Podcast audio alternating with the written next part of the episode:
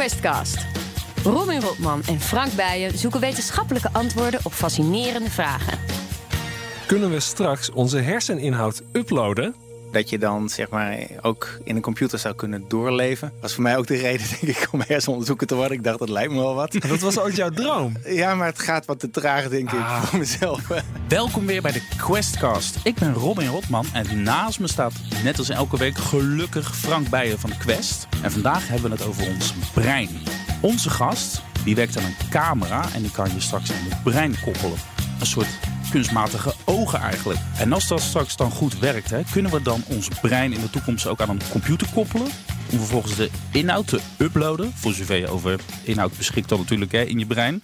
En gewoon om het boel te backuppen of om gedachten te delen met andere mensen. Dat bespreken we met een, uh, een gast die beschikt over een uitstekend stel hersenen. Pieter Rolfsema, directeur van het Nederlands Herseninstituut. Ja, wat goed dat je er bent. Pieter, uh, als jij deze uitzending straks terugluistert, dan zal je merken dat we aan het einde van de aflevering weer een parel van een nutteloos feit hebben. En die is helemaal niet zo nutteloos. Maar goed, dat straks. Fijn dat je er bent. Ja, een camera zijn. aansluiten op je hersenen. Het is natuurlijk uh, een droom die al heel lang bestaat onder wetenschappers. Uh, eigenlijk al sinds de jaren 60. Toen waren er al de eerste experimenten, ook bij mensen. Waarbij het idee is dat mensen die heel ernstig blind zijn, -hmm. uh, en uh, vooral ook die mensen bij wie de verbinding tussen het oog en de hersenen ook aangedaan is. Om dan toch uh, die mensen een rudimentaire vorm van visuele waarneming terug te geven. Het idee is dat je een camera op de buitenwereld richt en dat patroon van, van licht, wat normaal gesproken via het netvlies binnenkomt, rechtstreeks aan de hersenen aansluit. Dat is het idee. Dus op die manier en, en willen werkt, we... het, werkt het al? Dat, uh, ja, we zijn bezig met experimenten in apen. En daar lijkt het te gaan werken. Maar hoe weet je nou of een aap dan iets kan zien via zo'n camera? Projecteer ja, een banaan? Ja, bijvoorbeeld. We hebben ze getraind om, uh, om eenvoudige patronen te herkennen. Uh, we hebben ze 16 letters van het alfabet bijgebracht.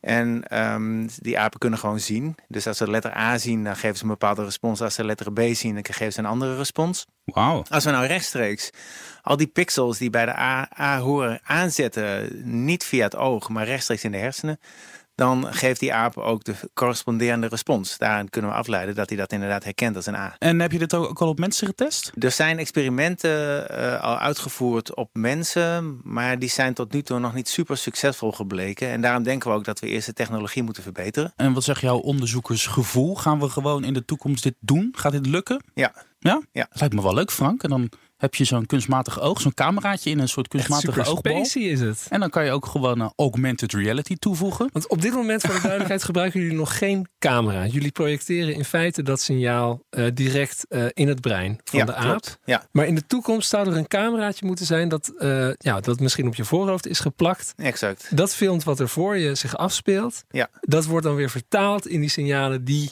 in dat visuele hersengebied komen. Klopt. Op die manier kan je dan zien. En dan kun je ook informatie het, ja. toevoegen dan nou, denk ik. Dan Ja, zie ik uh, Frank wel. op straat lopen. En die, uh, er zit natuurlijk tegen die tijd ook uh, gezichtsherkenning in die, uh, in die technologie. Ja. En dan verschijnt er gewoon een beeld uh, Frank bij je. Klopt. Of en zijn dat, LinkedIn eh, profiel of zijn Facebook profiel. Ja, zijn- dat, dat zou allemaal eh, denkbaar zijn. Het kan ook via een oortje, dat je dan eh, dat je zeg maar ingefluisterd krijgt. Ik denk dat heel veel mensen, ik in afval wel, hebben altijd problemen met de namen van mensen. En Weet je, eigenlijk weet je nog hoe wij heten, Pieter? ongeveer. Goed. Robin is, staat hier en ik ben Frank. ja, ja. aangenaam uh, kennismaak. Eh, Welkom ik in de zal show. wel afslaan.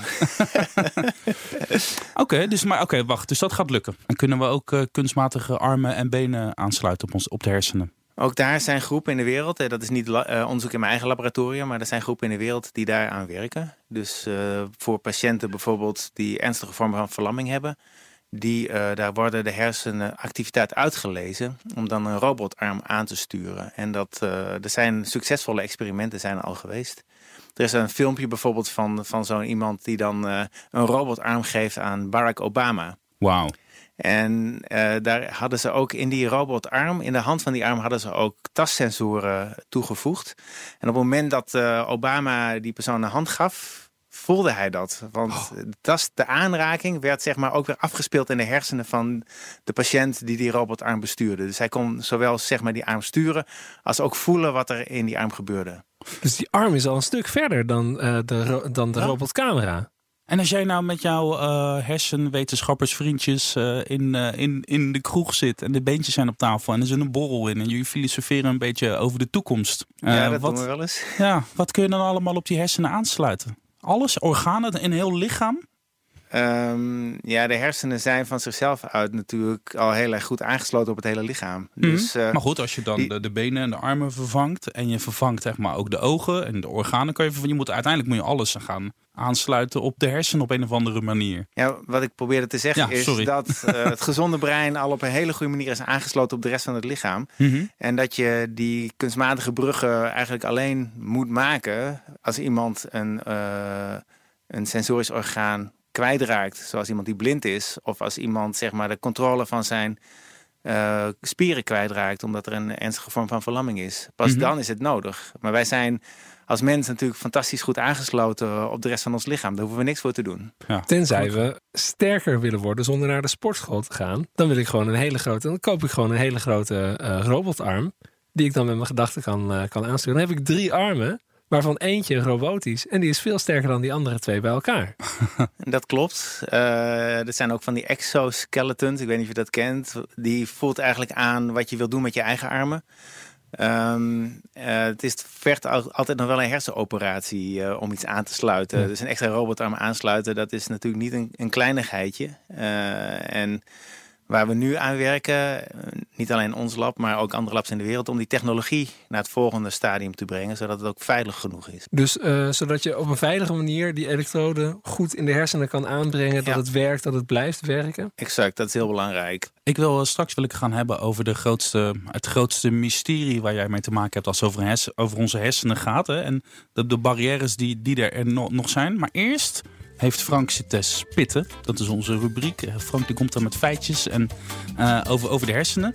Ja. En ehm, de eerste gaat over een ijzeren staaf Ja. dwars door het brein heen. Ja, dat is uh, een van de beroemdste hersenpatiënten uit de geschiedenis. Phineas Gage, een Amerikaanse spoorwerker. Die kreeg een uh, enorme staaf dwars door zijn hoofd. Ging er dwars doorheen. Uh, in 1848 was dat. Um, de linkerkant van zijn frontaalkwab die was uh, helemaal uh, vernietigd. Um, dat betekende dat zijn geheugen en zijn intelligentie die waren nog onaangetast. Maar zijn karakter was veranderd. Voor het ongeluk was hij een hele verantwoordelijke, brave man. Maar daarna was hij heel erg opvliegend en ongemanierd. Was het eigenlijk een vervelende vent geworden. En sinds het ongeluk van Phineas Gage weten we dat verschillende hersengebieden verschillende dingen doen. Dan de beroemdste hersenen ter wereld. Wat is daarmee gebeurd? Ja, Albert Einstein die ging dood. En een patholoog die haalde eventjes zijn hersenen uit zijn pan. Sneed het in 240 stukjes. En uh, nou, daarna uh, kwamen een heleboel die, van die stukjes in een doos in de huiskamer van die uh, patholoog terecht. Pas 40 jaar na de dood van Einstein werd een uh, goede computerreconstructie gemaakt van zijn brein. Het woog ietsje minder dan een gemiddeld brein, maar zijn uh, prefrontale, parietale, temporale en occipitale, nou ja, uh, laat maar zitten, een heleboel van zijn hersengebieden, die waren juist wel groot uitgevallen. En het idee is dat dat ja, wel iets zegt over, uh, over Einstein zelf. Ja, en uh, iedere Nederlander... Dit is wel een tragisch verhaal, hè? Iedere Nederlander heeft twee hersencellen... die de godganse dag Willy en René van de Kerkhof zitten te onthouden. Dat zei uh, Theo Maassen. Is dat zo? Nou, uh, volgens Pieter Roelsema, de gast die hier naast ah. mij zat... klopt dat min of meer, want er zijn in elk geval 100 tot een paar duizend hersencellen... betrokken bij herinneringen aan Jan Smit. En dat zei je in het mijnummer van Quest. Klopt. Via microdraadjes kunnen we dan de activiteit van individuele hersencellen meten. Daar komt Jan Smit om En daar kijken. vonden we Jan Smit. Het is dus toch verschrikkelijk dat je dat soort dingen doet en dat je dan Jan Smit tegenkomt? We hebben Wendy van Dijk gevonden, Marco van Basten, de koningin. Dus zeg maar alle, alle mensen, alle beroemdheden die jij kent. Ja. Uh, heel veel mensen die zullen Willy en René van der Kerkhof misschien niet meer herinneren. Die zullen die cellen niet hebben. um, alle mensen die jij kent en vooral natuurlijk ook mensen uit je directe omgeving. Daar heb je hersencellen voor die specifiek uh, actief worden op het moment dat je aan die mensen denkt. Ze ziet, hun stem hoort, ze ziet bewegen, ze herkent. En wat uh, Theo Maassen zegt over die twee hersencellen die René en Willy van der Kerkhof zitten te onthouden. In werkelijkheid zijn het er dus een paar honderd of misschien wel duizend. Ja, en dat zijn waarschijnlijk een paar duizend. Uh, en... en die onthouden dat René en Willy van der Kerkhof dat de ene rechts buiten was en de andere verdedigende middenvelder. Dat ze, dat ze uit Helmond kwamen, dat ze Uh, alle informatie die, die zit uh, verspreid over verschillende hersencelletjes? Waarschijnlijk wel, ja. Hm. Dus er zijn bijvoorbeeld, ja, ik ken zelf Willy en René van der Kerkhoff niet zo goed, maar ik denk dan aan Jan Smit. En er zijn bepaalde cellen die altijd dan reageren als je zijn stem hoort. Die reageren als je hem herkent op een foto. Ook cellen die reageren zowel op de foto als zijn stem. Dus als het ware de koppeling maken tussen de stem en de foto. Dus, en op die manier lijkt dan nieuwe informatie ook te kunnen worden opgeslagen. We hebben ook een proefje gedaan waarbij, laten we zeggen, Willy van der Kerkhoff altijd gevolgd werd door Jan Smit. In een, in, een, in een serie foto's. En we lieten die patiënten, uh, we vroegen hun op te slaan wat op wat volgde. En als dan uh, Um, nou weet ik het volgende niet meer. Laten we zeggen, Willy van der Kerkhoff voorbij kwam. En, als, en dan wist die patiënt, nu komt Jan Smit. Dan ging Jan, de Jan Smit-cellen gingen alvast al een beetje vuren. Die gingen alvast een beetje aan. Het is ongelooflijk. Jullie weten zo ontzettend veel over de hersenen. Maar wat weten we nog niet? Wat is nou echt het mysterie? Waar loop je dan echt tegenaan als je dingen wil aansluiten op het brein... of als je het wil doorgronden? Wat, waar liggen op dit moment ons plafonnetje van wat we weten? Nou, waar we echt heel weinig van weten is hogere denkprocessen. Dus hoe bijvoorbeeld je uh, bedenkt wat je straks gaat doen, uh, nieuwe dingen plant. Uh, je bedenkt hoe je zometeen ja, naar huis komt. Dus dat soort meer abstracte gedachten, daar weten we naar verhouding weinig van. Dingen die je goed in proefdieren kunt bestuderen, zoals bijvoorbeeld waarneming of, of motorisch gedrag. Daar weten we heel veel van. Frank heeft een paar stellingen voor je klaar liggen. Je mag eens of oneens zeggen en de toelichting komt misschien daarna. Stelling 1. Wij zijn ons brein. Ben je het daarmee eens of oneens? En daar ben ik het mee eens. Dat is uh, een gevluchte uitspraak van Dick Swaap. En ik denk dat hij daar de spijker op de kop slaat. Wat betekent die uitspraak eigenlijk precies? Nou, ik, ik vond dat, uh, dat voorbeeld van uh, Phineas Cage wel goed.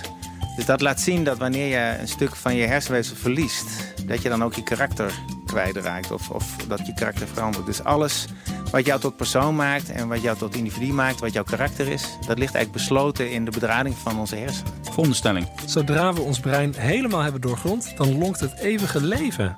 Dat is een hele lastige. Ik denk het niet. Uh, ik weet dat er mensen zijn die denken dat als we dat kunnen nabouwen, dat je dan zeg maar ook in een computer zou kunnen doorleven. Dat was voor mij ook de reden, denk ik, om hersenonderzoeker te worden. Ik dacht, dat lijkt me wel wat. Dat was ook jouw droom? Ja, maar het gaat wat te traag, denk ik, ah. voor mezelf. en um, ja, zelfs als je al snapt hoe het werkt. En dat wil nog niet zeggen dat je het in detail kan nabouwen en nabootsen in een computer. Die gaan we zo over doorpraten. Want dit raakt natuurlijk aan onze stelling. Uh, aan onze centrale vraag: kunnen we om de inhoud van het brein uploaden? Maar we hebben nog één stelling. Ja, en dat was een eh, stelling die we op Twitter hebben gegooid. Uh, zodra het kan, wil ik mijn eigen herinneringen en gedachten backuppen op een computerschijf. We hebben onze volgers op Twitter gevraagd: ben je het ermee eens of ben je het ermee oneens? Wat denk jij dat er voor uitslag uitkwam? Ik denk dat veel mensen dat een goed idee vinden. Nou, dat valt dan toch weer tegen. Oh? 30% was het ermee eens, zag het wel zitten, zo'n eigen backupje. En 70% was het er helemaal niet mee eens, zat er niet op te wachten. We hadden 63 stemmen dit keer. Dat uploaden van die hersenen, ik, ik lees daar best wel veel over. Komt dan van alles over tegen. Dat zijn altijd van die hemelbestormende verhalen. We gaan onze hersenen uploaden en we kunnen dan uh, uh, via de cloud met elkaar communiceren en zo. Wat moet er gebeuren om dat te kunnen? Ik denk uh, in de eerste plaats moeten wij als hersenwetenschappers nog net iets beter begrijpen hoe het werkt. Dat zou een eerste voorwaarde zijn. een tweede voorwaarde denk ik dat je een breedband informatiestroom hebt uit de hersenen naar zo'n computer die dat dan zou moeten opslaan. Dat is natuurlijk iets uh, wat te maken heeft met waar we net al over spraken. En dat is de wens om bij mensen die verlamd zijn de gedachten te kunnen uitlezen. Om bijvoorbeeld weer een robotarm aan te sturen. Dus die technologie wordt wel ontwikkeld. Mm -hmm. Het gaat wel wat traag. Hè. Tot nu toe kunnen we misschien 100 uh, elektrodes tegelijkertijd uitlezen. Als je echt goed inzicht wil hebben in iemands gedachten, zou dat denk ik uh, veel meer moeten worden. Maar de vraag is natuurlijk ook, moet je het willen? Want het heeft ook iets met privacy te maken. Als iemand anders met jouw gedachten kan meelezen, dan uh, lijkt me verstandig dat er ook even een waakhond is die, die erop let dat dat niet in verkeerde handen valt. Ja, maar eerst nog even de techniek, hè? Want je zei dat er op dit moment 100 elektroden tegelijk in een brein geplaatst kunnen worden. Ja. Volgens mij heb je 100 miljard hersencellen of zo um, in die ehm, sfeer. Ja, dat komt in de buurt. Maar zou je dan... Ja. Uh, uh, als je... cellen kan je met één elektrode uitlezen? Um, als je geluk hebt, misschien vier. Dus vier? Ja, nou ja, meestal maar één. Heb je dan 25 miljard elektroden tegelijk uh, in het brein nodig? Ja, dat kan natuurlijk niet. Dus dan moet er een dus, heel andere oplossing worden gevonden. Nou, die, die, uh, de wijze waarop cellen in de hersenen informatie representeren, uh, dat is vaak wel overcompleet. Dus laten we zeggen, als je 1% van alle hersencellen zou kunnen meten, dan kun je misschien wel de overige 99% invullen. Is mijn inschatting. Maar hè, ik roep nu ook maar wat. Dat, eerlijk gezegd weten we het antwoord niet in hoeverre dat dan overcompleet is. Um, maar er valt heel wat uit te lezen, dat klopt. Maar er zijn natuurlijk mensen die hebben het locked-in syndroom. Hè? Of die hebben een aandoening waardoor ze eigenlijk helemaal niks kunnen bewegen, niks kunnen doen. Maar de hersenen werken eigenlijk wel. Stel nou dat we die hersenen kunnen gaan aansluiten op een, uh, op een robotlichaam. Of een kunstmatig lichaam. Tegen die tijd is het natuurlijk allemaal hartstikke goed doorontwikkeld en zo. Zou dat in theorie kunnen? Het gebeurt al. Dus Nick Ramsey uh, in Utrecht, die behandelt ook, uh, die heeft twee patiënten behandeld met, uh, met het locked-in syndroom. Um, en hij heeft elektroden aangebracht onder hun schedel. Mm -hmm. Om die patiënt op die manier weer in staat te stellen, te communiceren, een klein beetje te communiceren met de buitenwereld. En daar zie je inderdaad de, de beperking van, van het kleine aantal elektrodes wat we nou. nu kunnen behappen. Maar wat je dan natuurlijk wil, is heel die herseninhoud uploaden en in een robot stoppen en dan gewoon doorleven. Dat is wat jij volgens mij heel graag wil, Robin. ja, dat is. Maar is dat een hele raar? Dat, nou ja, ik, ik, ik, weet niet of ik dat zou willen eigenlijk hoor. Maar ik vind het wel. Ik kom natuurlijk van alles over tegen op YouTube van de wilde verhalen. Is dat nou echt iets. Gaat het nou kunnen ooit of niet? Ik durf niet te zeggen. Ik kan wel zeggen dat uh, op dit moment er nog heel wat uh, praktische bezwaren zijn. Dat heeft vooral te maken inderdaad met de bandbreedte van de informatiestroom van onze hersenen en terug naar onze hersenen. Daar zijn we gewoon nog niet up to speed. Ik heb het kort even gehad over het eh, werk van Nick Ramsey en, andere collega's van hem.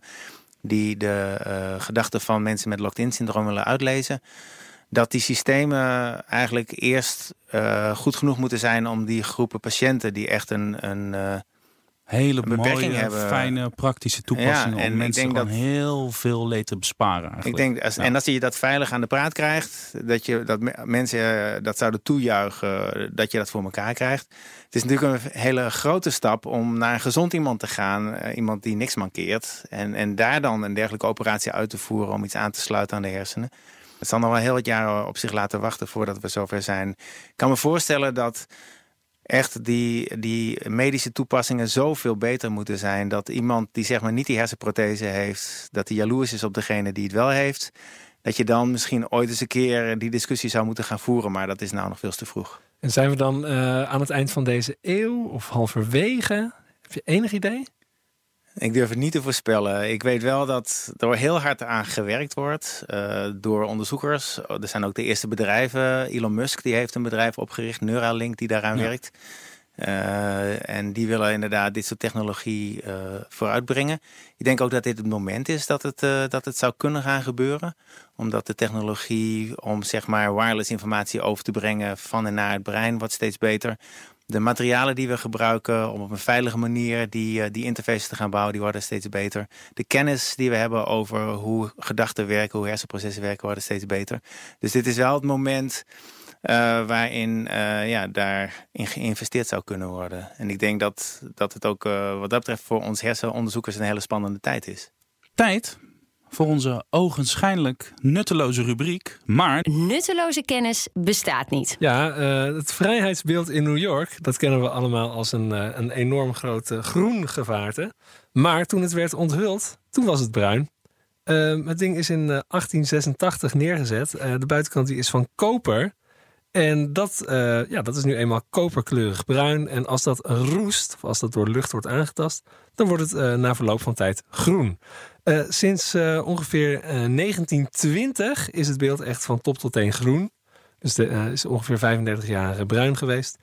Maar dat bruine, dat was nog in het zwart-wit tijdperk. Dus kleurenfoto's van het bruine vrijheidsbeeld, die zijn niet te vinden. Dat is ook zonde, zeg. Ja.